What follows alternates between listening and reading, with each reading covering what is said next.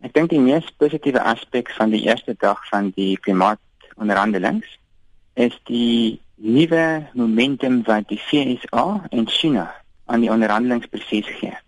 Want dit is werklik die eerste keer dat hierdie twee lande wat die twee grootste bronne van kweekhuisgas in die atmosfeer is, ernstig is om saam te werk om die probleem te verminder en om ook in hulle onderskeie ekonomieë drastiese afnames in in emissies aan te bring oor die volgende klompie dekades. Op die oomblik is die verbintenisse wat op papier beskikbaar is van die groot geïndustrialiseerde lande nie genoeg om gevaarlike klimaatsverandering gedurende die 21ste eeu te bekamp nie.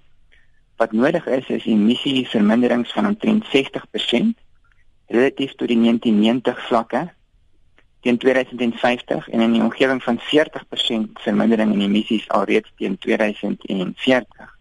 Wat is jou hoop vir COP21? Watter ooreenkomste hoop jy word bereik? Daar's 'n realistiese kans dat ons 'n nuwe klimaatsverandering verdrag gaan sien. En die Kopenhagen konferensie het natuurlik gefaal om 'n nuwe verdrag op die tafel te sit en geonderteken te kry.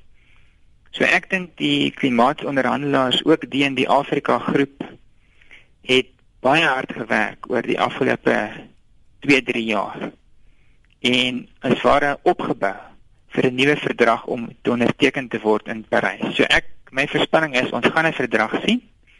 Maar ons moet ook ongelukkig realisties wees. As ons kyk na die verbintenisse wat tot nou toe gemaak is deur die groot geïndustrialiseerde lande, dan gaan hierdie nuwe verdrag nie sterk genoeg wees om die 2 grade Celsius drempelwaarde te bewerkstellig nie.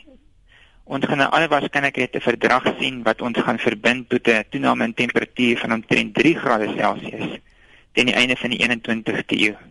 En dit gaan ongelukkig nie genoeg wees om die gevaarlike effekte van klimaatsverandering in veral die ontwikkelende lande te voorkom nie.